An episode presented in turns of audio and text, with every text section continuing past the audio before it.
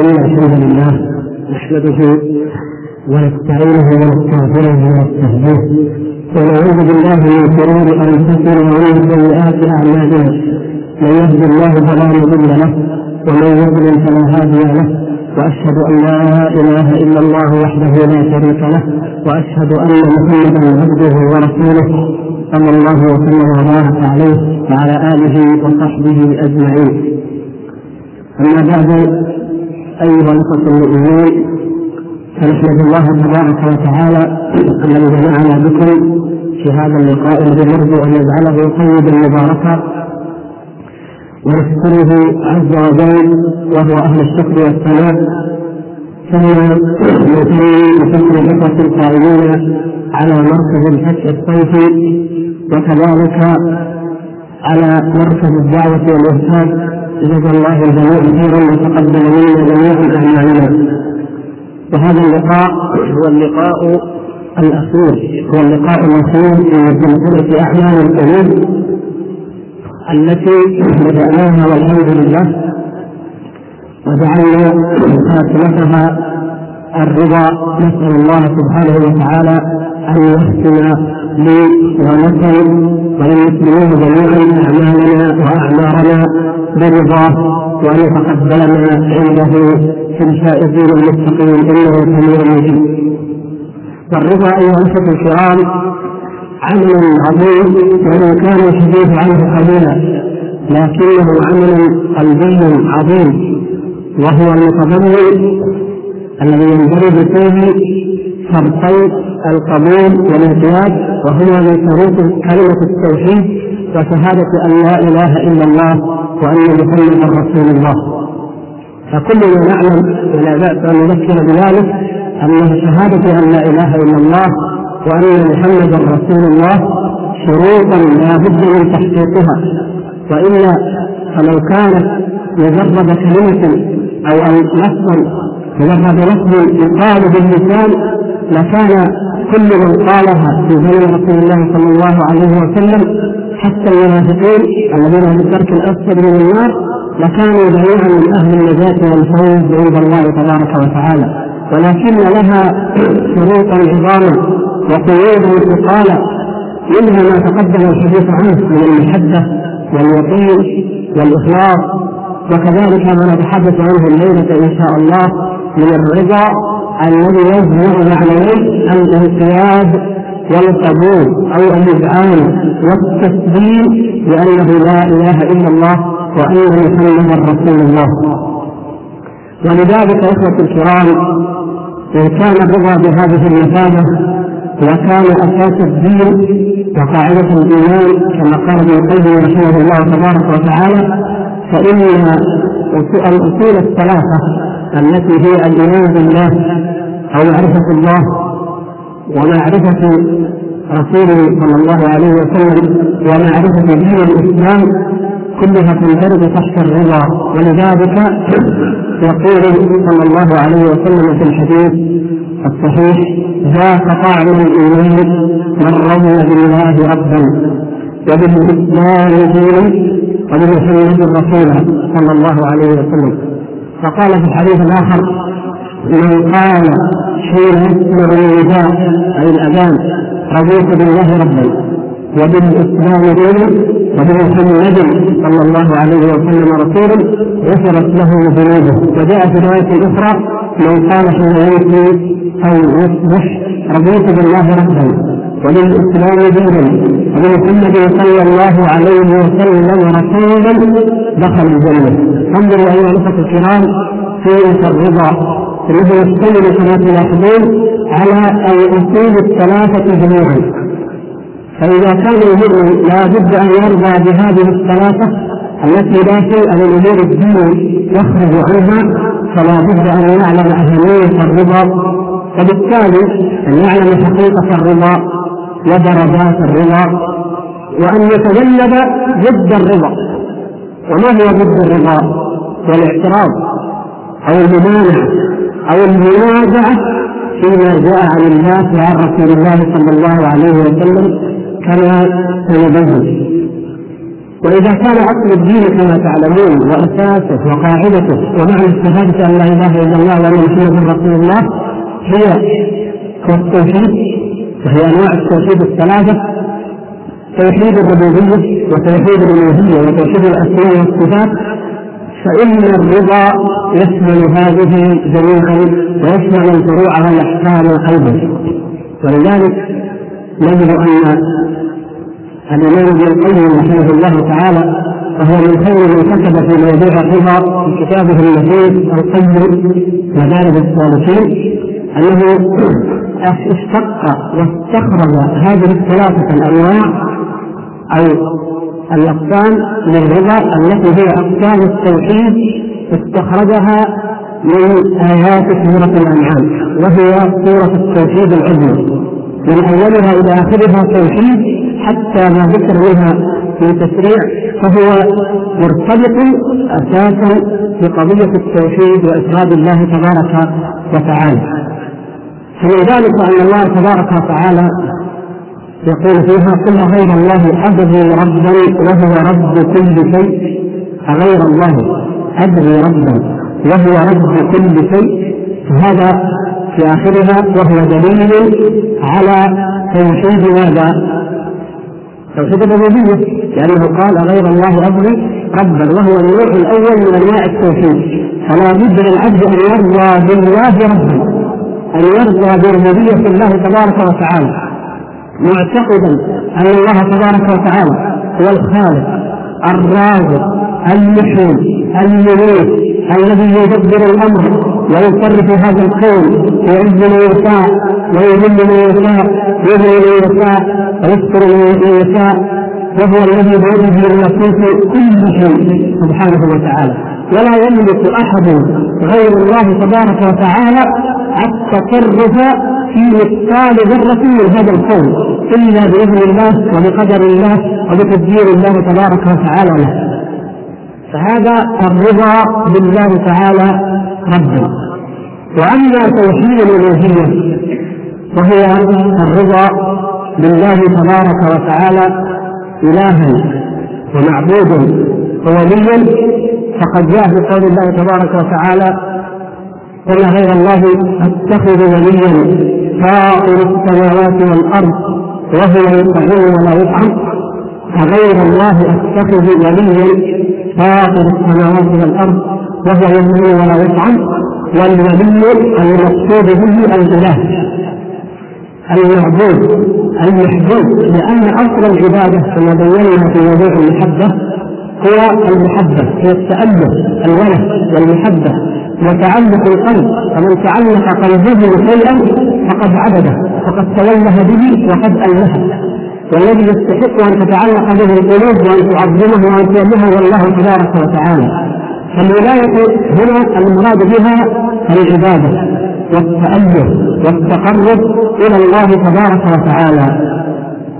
ويلحق بها ومن لوازمها الولاية التي هي الموالاة والمعاداة.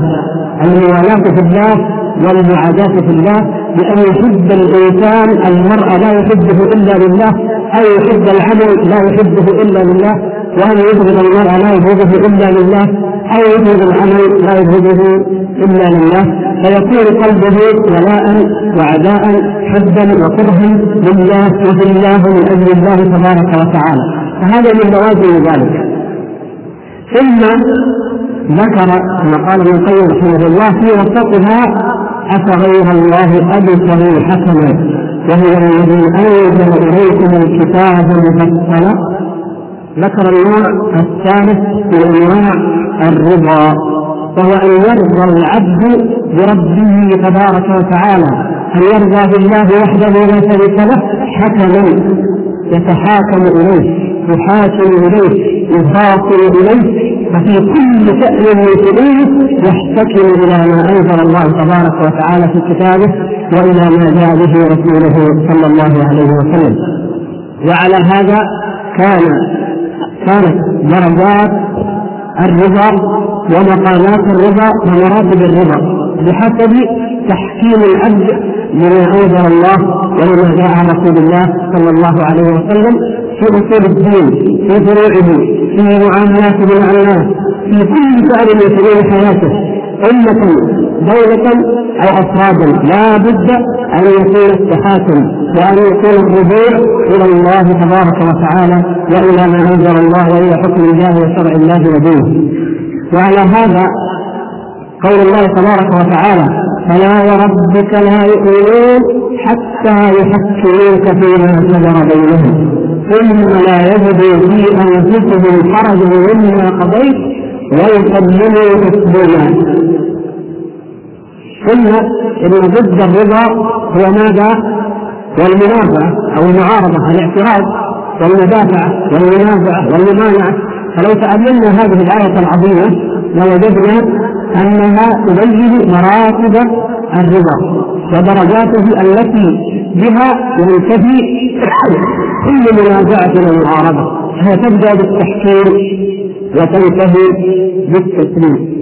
فأما التحكيم فلا بد منه لصحة إيمان العبد لا يكون الإنسان مؤمنا ولا مسلما إلا بأن يحكم رسول الله صلى الله عليه وسلم. أصل التحكيم الإقرار بأن ما جاء به هذا الرسول صلى الله عليه وسلم فهو الحاكم على كل ما سواه. كما جاء في الحديث من عمل عملا ليس عليه أمرنا فهو رد. قال العلماء التقدير ليس حاكما عليه أمرنا وقاضيا عليه أمرنا فهو رد. فأمر الله وأمر رسوله صلى الله عليه وسلم والذي يقضي ويحكم على كل أمر على الأهواء على الرغبات على الشهوات على القوانين على العادات على الأعراف. على الأوضاع على كل ما يخطر بذلك مما يعارض ما جاء به رسول الله صلى الله عليه وسلم أو يمكن أن يعارضه يجب ان يكون الحاكم عليه هو ما جاء عن رسول الله صلى الله عليه وسلم ولا يقدم على ذلك شيء مهما كان. فهذا التحكيم من وقع ومن وقع وقر في قلبه واقر بالتحكيم فهذا قد حقق درجة الإسلام. الدرجة الأولى أو المرتبة الأولى من مراتب الرضا.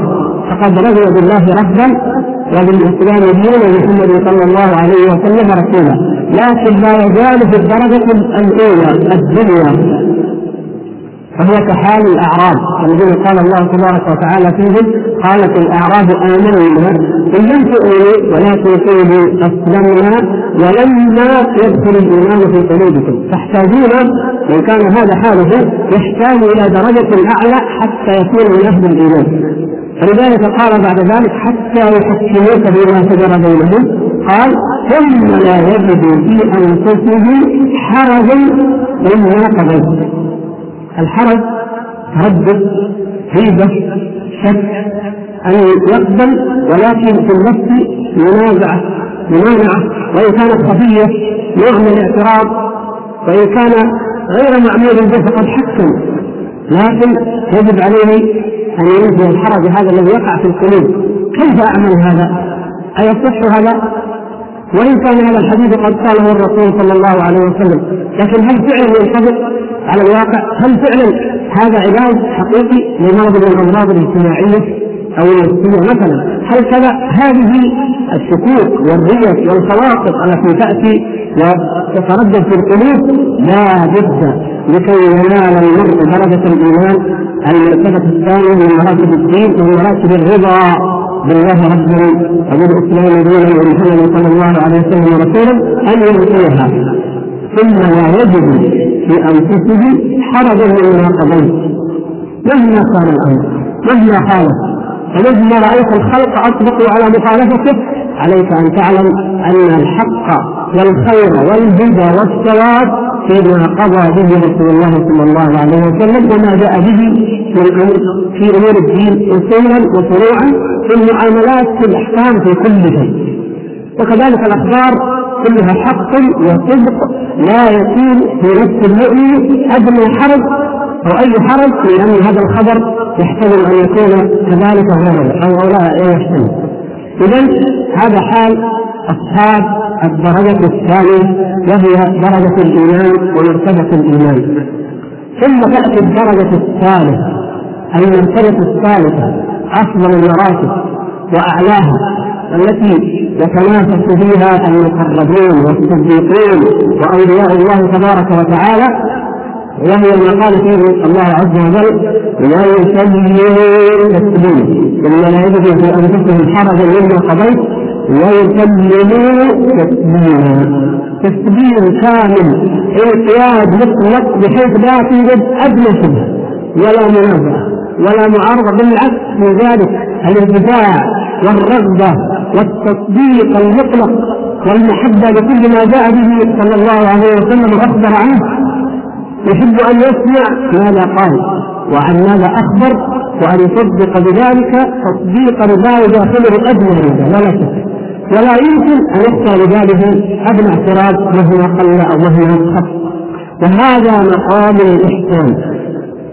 لأنها مراتب الدين الإسلام ثم الإيمان ثم الإحسان أعلى المراتب وأعلمها ولهذا يقول ابن القيم رحمه الله إن الرضا من أعمال القلوب نظير الجهاد من أعمال الجوارح.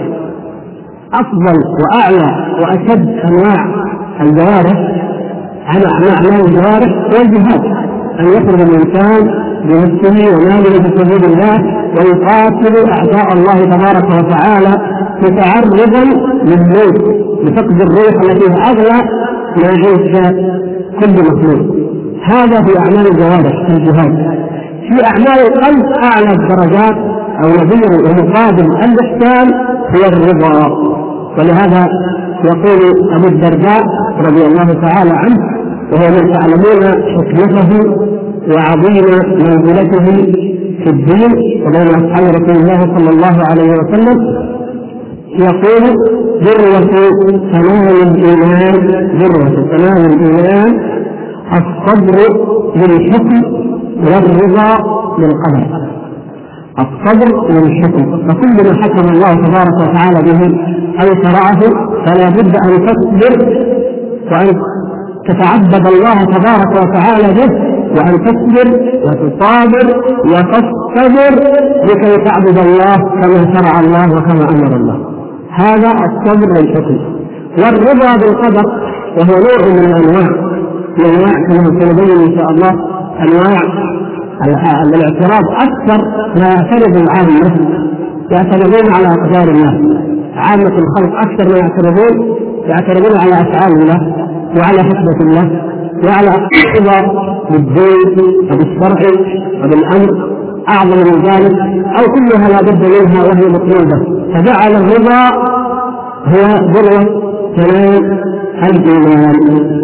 وبذلك يتبين لنا اهميه هذا العمل القلبي العظيم. ونعلم أن الله تبارك وتعالى عندما خاطبنا وعندما بين لنا الدين والإيمان وخاطبنا فيه باسم الرضا أو ذكره لنا الرضا كما قال تبارك وتعالى اليوم أكملت لكم دينكم واكملت عليكم نعمتي ورضيت لكم الإسلام دينا إن هذا يستلزم منا في المقابل أن نرضى بما كتب الله وبما أنزل الله وبما شرع الله وبما قضى به الله تبارك وتعالى.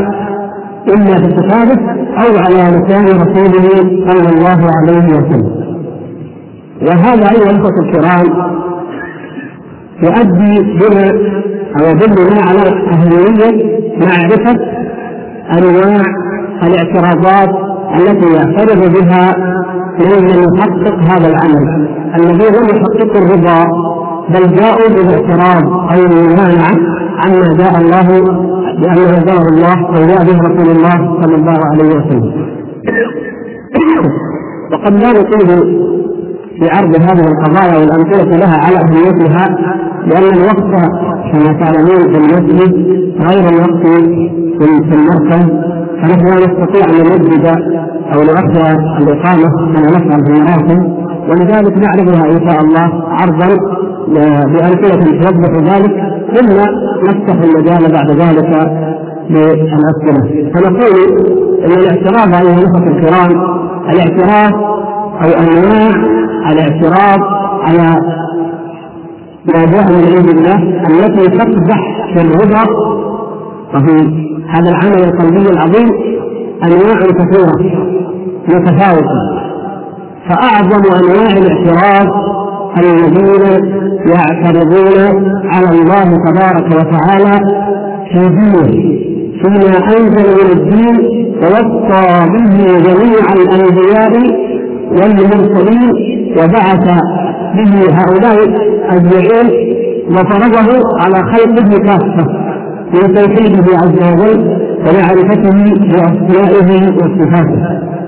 ولذلك ظهر في هذه الأمة مع الأسف الشديد ظهر فيها من يعترض على ما أنزل الله تبارك وتعالى في أصل الدين فالذين يعترضون على أسماء الله وصفات الله تبارك وتعالى. فإن الله عز وجل له صفات الكمال ونبوة الجلال وله الأسماء الحسنى عز وجل وله المثل الأعلى في السماوات والأرض. وما من صفة كمال إلا وهي له عز وجل. أي صفة كمال لا نقص فيها توجه من الوجود فالله تبارك وتعالى أحق بها وله فيها الكمال المطلق تبارك وتعالى.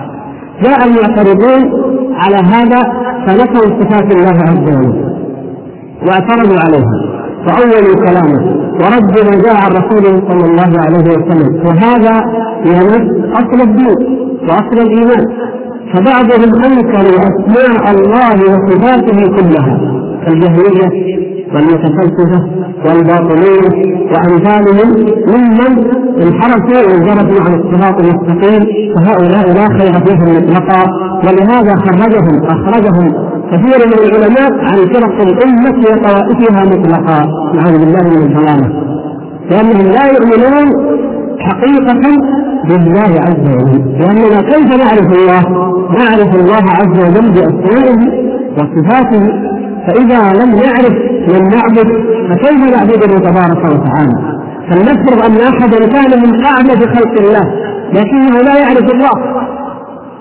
لا يعرف أن ربه تبارك وتعالى ومعبوده عز وجل استوى على العرش كما أخبر في سبعة مواضع من كتابه. فهم يقولون لا لا يؤمن بذلك؟ لا يؤمن بعلو الله عز وجل على خلقه. فهذا الذي يسجد ويتعبد ويقول سبحان ربي الأعلى وهو لا يعتقد علو الله متناقض كيف تعتقد شيئا وتقول بخلافه؟ ولا تعبد ربك عز وجل حقيقة. إذا لا لا يمكن أن يعبد الله حقيقة إلا إذا عرف الله تبارك وتعالى على الحقيقة. ويليهم المعتزلة الذين كما تعلمون أنكروا جميع الصفات وأثبتوا الأسماء وجعلوها مترادفات جعلوها مترادفات في الدلالة على الذات كالعزيز والحكيم مثلا والجبار المتكبر كل الأسماء معناها واحد مجرد أنها تدل على الذات ولا يشتق منها صفات. فلا نقول إن الله تعالى ان اسمه الحكيم يشتق منه صفة الحكمة أو العزيز يؤمن بأن له تعالى صفة العزة مثلا أو القدير القدرة وهكذا. وإنما له ذلك جميعا فجعلوها كالأعلام المترادفه في الدلالة على الذات ثم الاشعريه وهم الذين خففوا وهددوا شيئا من علوم هؤلاء ولكنهم لم يثبتوا لله ما أثبته الله تبارك وتعالى أو اثبته رسوله صلى الله عليه وسلم من غير تعطيل ولا تمثيل ولا تحريف ولا تشريف.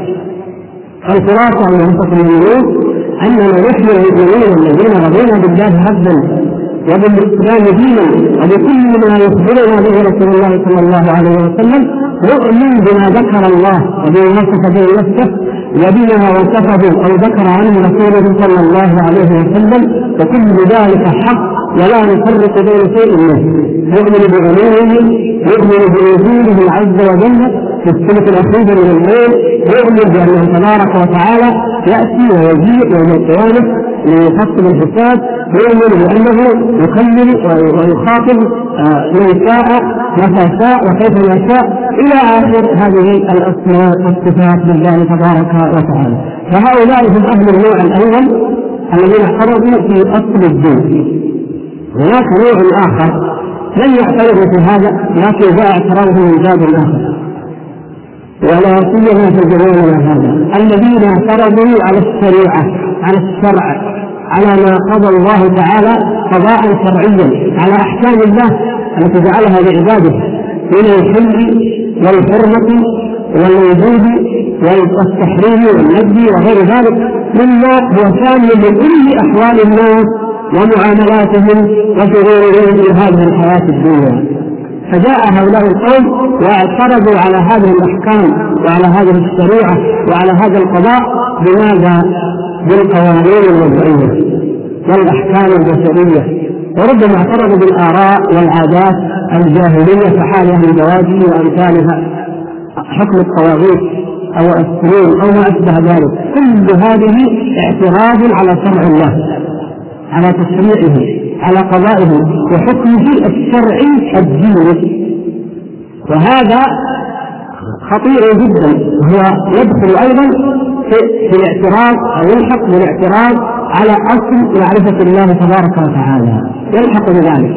ويليه بالدرجة من جهه انه كفر بالله تبارك وتعالى. كمن يعترض على ما شرع الله عز وجل من حد الزنا وهو الرجل له ان كان يستمع للزاني أو الزاني أو الجلد إن كان غير ذلك بشروطه المعروفه ويلغي ذلك وينتخب ويجعل مكانه الجلد والتحريم مثلا مكان الرجل كما فعل اليهود أو يلغي الجلد أيضا ويجعل مكان ذلك كله الحبس أو الغرامة كما في القوانين. الوضعية التي تحكم أكثر العالم الإسلامي اليوم ولا حول ولا قوة إلا بالله العلي العظيم. يعترضون على حكم الله الذي قال فيه عز وجل وأحل الله البيع وحرم الربا فيجعلون الربا حلالا يستحلونه ويضعون له الأحكام الطويلة ويفرقون كيف يباح وكيف يستباح يحددون نسبته وآجالا معينة لها ويجعلون له ألوانا وأشكالا من الأخذ والعقائد والدفع والاحتيال بل من الاستحلال لدين الله تبارك وتعالى. وتقوم على هذه التشريعات الوضعية المنافية لكتاب الله وسنة رسوله صلى الله عليه وسلم. تقوم عليها روح وأعمدة بالاقتصاد الوطني أو العالمي كما هو ملاحظ الان فهذا أيضا اعتراض على الله تبارك وتعالى فيما شرع من أحكام ولا يشك عاقل أن الربا من أخطر ما يمكن أن يرتكب من الذنوب كما بين ذلك رسول الله صلى الله عليه وسلم. الربا سبعين بابا ايسرها كأن ينكح الرجل أمه والعياذ بالله. ودرهم ربا أشد من ست وثلاثين سنة والعياذ بالله. والله تبارك وتعالى قد تأذن عليه بالحرب. فأذنوا بحرب من الله ورسوله. يقول شيخ الإسلام ابن تيمية رحمه الله إن الربا من آخر ما نزل وقد توعد الله تبارك وتعالى بالحرب سقيفا وغيرها من القبائل لما أرادت أن لا تحرم الربا. فكان فكانت العقوبة أن يحاربها رسول الله صلى الله عليه وسلم. وتحريم معلوم الدين بالضرورة المقصود أن من احله وشرع تحليله فهو معترض على الله تبارك وتعالى في هذا. واسوأ منه الذي يجاهر ويقول لأن من شرع الله لا يصلح للحياه الحديثه أو للاقتصاد الحديث أو أننا في هذه الأيام لا بد أن نأخذ بالتشريعات المنافية والمخالفة لما جاء في القرآن. فهذا والعياذ بالله معترض على على الله تبارك وتعالى اعتراضا واضحا بينا جليا فلا حظ له في الإيمان وليس داخلا في الذين ذكرنا درجاتهم لأنه كما ذكر الله تعالى فلا وربك لا يؤمنون حتى يحكموك فهذا لم يحكم أصلا. فضلا عن وجود الحرج أو عن الحرج أو التسليم فانه لم يحكم ولذلك فهو غير المؤمن نسال الله العفو والعافية. وتقيسون على هذا أشياء كثيرة حد السرقة مثلا كل ما جاء في المعاملات حد الرده وهو اعظم من هذين الحدين وغير ذلك. هذا الاعتراض على شرعه أو على حكمه الشرعي هناك نوع آخر من انواع الاعتراض أيضا الذي يقدح في الايمان واصل الدين والايمان وهو مناسب للرضا أيضا من الله وهو الاعتراض على أخباره أو أوامره بما وضعه البشر من أهواء أو أفكار أو نظريات قديمة أو حديثة مثلا أخبرنا الله تبارك وتعالى أنه خلق أبانا آدم عليه السلام. أو أنه خلقنا نحن جميعا خلقنا من نفس واحدة وجعل منها زوجها. النفس الواحدة هو آدم عليه السلام. وخلق منها زوجها وهي حواء. ثم جعل هذه السلالة البشرية بعد ذلك تتناسل من هذا من هذين فكل من تراه على وجه الأرض أو من عاش فوقها من البشر فهم من بني آدم. وأبوهم آدم والله تبارك وتعالى خلقهم جميعا من نفس واحدة. وكيفية الخلق بينه تبارك وتعالى في أكثر من آية. ومما خلق الإنسان بينه بأكثر من آية. هذا أمر قطعي يقرأه كل مؤمن ويجده واضحا في كتاب الله تبارك وتعالى. فإن قال قائل ما هو مشهور الآن في العالم ويدرس ويلقنه أبناؤنا وبناتنا نظرية التطور مثلا. فيقولون لا إن هؤلاء البشر الذين تراهم على اختلاف أعراقهم وألوانهم وألوانهم هم منحدرون من قيامة الحيوانية. وهذه نظرية التطور تقول إن الأصل القديم الإنسان من حيوان تطور حتى صار قربا ثم هناك حلقة مفقودة بين القرب وبين الإنسان. ثم جاء الإنسان فعلى هذا لا يكون هنالك آدم ولا نفس واحدة. ولا خلق الله تبارك وتعالى العالم كما أخبرنا البشر كما جاء في القرآن. وإنما يريدون منا أن نؤمن وأن نعتقد ما يعتقدون. ويقولون هذه نظرية التطور العلمي مثلا هذا كفر الإيمان بها كفر. يخرج صاحبه من الملة ومن أقرها أو قررها أو درسها فقد اعترض على ما جاء في كتاب الله وسنة رسوله صلى الله عليه وسلم. مثلا نحن نعلم أن الله عز وجل خلق الإنسان كل إنسان منا في هذه في هذا الوجود وكل موجود على الفطرة القويمه فطرة الله التي فطر الناس عليها لا تبديل لخلق الله. ذلك الدين القيم. وكما قال صلى الله عليه وسلم كل مولود يولد على الفطرة. فنؤمن ان كل مولود يولد على الفطرة التي هي هذه الملة وذلك الرواية الأخرى فكل مولود يولد في أمريكا في الهند في اليابان في أفريقيا في مكة.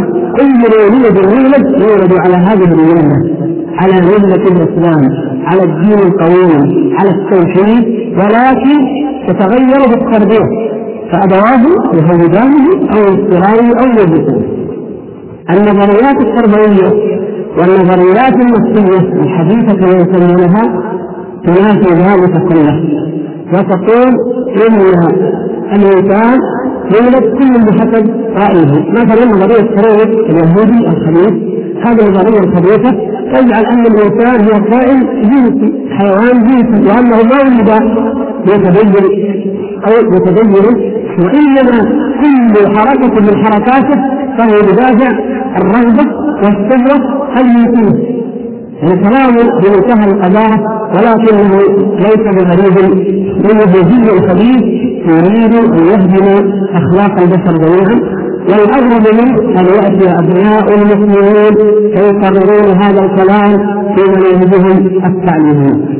في المناهج التعليمية التي يتلقاها الأبناء دون أن يذكر معها أن هذا كفر وأن هذا ضلال وكانت النظريات الأخرى؟ النظرية التربوية الاشتراكية ونظرية الرأسمالية ونظريات كثيرة. كل نظرية تفسر رغبات الإنسان وميوله منذ ولادته بما ترى هي النظرية السلوكية نظريات في أمريكا وحدها أكثر من 20 مدرسة نفسية كل منها له نظرية عن هذا المخلوق العجيب. يختلف عن الآخر. ثم يؤخذ هذه النظريات وتقرر باسم علم النفس وباسم علم الاجتماع أو ما أشبه ذلك من العلوم ولا ينظر في هذه العلوم إلى ما جاء عن الناس وعن رسول الله صلى الله عليه وسلم. في النظريات الكونية أخبرنا الله تبارك وتعالى عن هذا الكون بما يكفي أن أننا إذا علمناه فإنه قد عرفنا به عز وجل. لا نتعلم ونعرف تفصيلات هذا الكون ولكن لنعلم أن له ربا عظيما خالقا حكيما مدبرا تبارك وتعالى. فإذا جاء وأخبرنا بخلاف ذلك أن السماء لا وجود لها. وإنما هو فضاء لا نهاية له. والله تبارك وتعالى أخبرنا أنها تبذل سباق النبي صلى الله عليه وسلم في ليلة الإسراء والمعراج يستاذن هو جبريل في الأولى ثم في الثانية ثم في الثالثة وأخبرنا من لقي في الأولى ومن لقي في الثانية ومن لقي في الثالثة. هذا فراغ هذا هراء وإلا حقيقة وصدق كما ذكر الله تبارك وتعالى. وغير ذلك يعني الوقت لا يحتمل الاطاله في الأدلة ويواضح لكم جميعا. فيأتي هؤلاء بنظريات تخالف ما جاء في كتاب الله تبارك وتعالى وهكذا. فهذا نوع من أنواع الاعتراض على ما جاء عن الله ومن عند الله بالنظريات هذه التي مثلنا بها في ما يتعلق بالنظريات عن نشأة الإنسان أو في خلق الكون أو في الطبيعة والسلوك. البشري الإنسان الذي جعل الله تبارك وتعالى الخلق عليه. هذا أيضا نوع من انواع الاعتراض الاعتراض على ما أخبر الله تبارك وتعالى به أيضا وما جعله قد نجعله من ضمن الأحكام وقد نجعله من ضمن الأخبار كلاهما. مثلا أن المرأة المرأة دون الرجل في الخلقة. ومن هي دون الرجل في الواجبات وفي حمل الأمان أو معنى آخر أن الله تبارك وتعالى خلق الزوجين الذكر والأنثى وجعل لكل منهما عبادة تتناسب مع ما خلقه وفطره عليه تتناسب مع تصميمه الذي جبله الله تبارك وتعالى عليه. فإذا جاء هؤلاء وأرادوا أن يجعلوا العمل واحدا والواجب واحدا والحقوق واحدة وكل شيء. حتى الميراث ومن هنا قلت يدخل في الأحكام قالوا يكن الميراث واحدا لا كما ذكر الله تبارك وتعالى وجعل للذكر مثل حظ الأنثيين لا يريدون أن يجعلوه واحدا في كل شيء. فللمراه الحق في الانتخابات وفي منصب الوزارة أو تكون رئيسه الدولة وفي ان تفعل كل ما يفعله الرجل من الأعمال وكذلك لها مثل ما له من الحقوق ومنها هذا الحق في الميراث وما أشبه ذلك. فهؤلاء يعترضون اعتراضا جليا واضحا على ما شرع الله. فلا يكون راضين بدين الله تبارك وتعالى والتفصيل بهذا لا يخفى على نظركم إن شاء الله. هناك نوع من الناس وهذا وقع في هذه الأمة مع الأسف الشديد كثير جدا ولا حول ولا قوة إلا بالله. يعترضون بنوع آخر في الاستدلال ومعرفة الأحكام. يعترضون على ما صح عن رسول الله صلى الله عليه وسلم. يبلغهم الحديث الصحيح عن رسول الله صلى الله عليه وسلم فيردونه أو يتأولونه بكلام فلان من أئمة المذاهب المذهب أو بقياس كما يسمى أو بالنظر والعقل إلى آخره. مهما سمي فيردون الحديث ويعترضون على ما أخبر به النبي صلى الله عليه وسلم وشرعه من الدين بالقياس أو الرأي أو الهوى أو ما يسمونه هم قواعد منطقية أو قواعد كلية أو ما أشبه ذلك وهي مخالفة فيما جاء عن رسول الله صلى الله عليه وسلم وليست مأخوذة عنه وله تلقاة من دينه. فهؤلاء القوم قد ابتلت بهم هذه الأمة حتى قال قائلهم أي حديث أي حديث يخالف مذهبنا فهو إما بعيد أو موصوف سبحان الله. يعني جعل المذهب هو الحكم. فأي حديث يخالف المذهب فاعلم أنه اما ضعيف أو موضوع يعني كلام يؤخذ به ويحتج به أو منسوخ والعمل يجب أن يكون بالمذهب فتعصب المقلدون للمذاهب الأربعة الذين انتسبوا إليها تعصبا وتقليدا ومزقوا هذه الأمة وفرقوها حتى وقع القتال ووريقة الدماء. وكم من دماء؟ وريقة من أجل حكم شرعي. ويمكن لو اتفق الجميع على قبول الحق والإذعان لما شرع الله تبارك وتعالى أن لا يكون ذلك بل يكونوا جميعا على أمر واحد كما أمر الله واعتصموا بحبل الله جميعا ولا تفرقوا. أو إن اختلفوا في فهمه فكل منهم يعذر الآخر باجتهاده ولكن الهوى والتعصب يجعلهم يتقاتلون وكم قد وقع في القتال؟ في خراسان وما وراء منه بين الشافعية والحنفية التاريخ يتحدث عن هذا. وكم قد وقع بين بين من ينتمي الفقه الهادي والزيدي وبين الشافعية مثلا وكم وكم سبحان الله.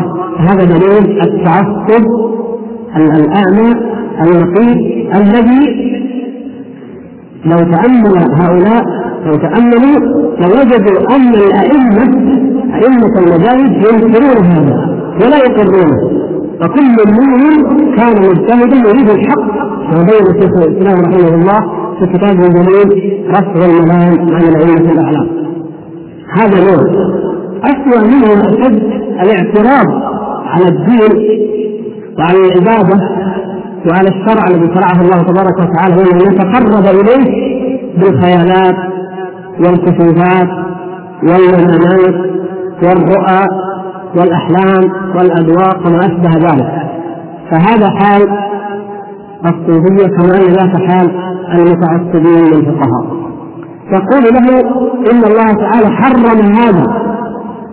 أو قال فيه رسول الله صلى الله عليه وسلم كذا يقول الشيخ الفلاني نام ورأى الخضر عليه السلام في المنام وقال له ان هذا حلال سبحان الله. من قال لك ان أن أن الأحلام والمنامات يعمل بها في معارضه ما جاء من الوحي الثابت ومن قال لك أن هذا الذي في المنام هو الخمر لما لا يكون الشيطان؟ ولا ريب أنه الشيطان شيطان من الشياطين. وهل يحق للخبر أو لأحد كائن من كان أن يشرع غير ما جاء به رسول الله صلى الله عليه وسلم؟ أو أن يحدث في الدين لا نسميه؟ وهكذا. ووصلت الجرأة لبعضهم بهذا بالله إلى القول بأنه يرى رسول الله صلى الله عليه وسلم يقظة. كان يقول منام ثم تدرج يقول أراه باليقظة ويجتمع بي ويقول هذا حلال وهذا حرام ويعلمه يعلمه أمرا غير ما نعلم في كتب السنة.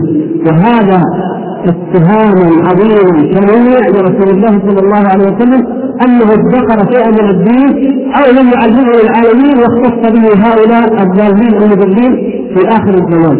ولا ريب أن هذا شيطان إن جاءهم شيء فهو شيطان وإنهم كاذبون فيما يدعون. فيعترضون على ما ثبت ويعلم العلماء بطريقة التصحيح والتضعيف أهل الفن وأهل الخبره يعلمون أنه حق عن رسول الله صلى الله عليه وسلم يعترضون عليه بهذه الأباطيل وهذا الإفك والافتراء. أحلام أو رؤى أو منامات أو خيالات أو كشوفات كما يسمونها.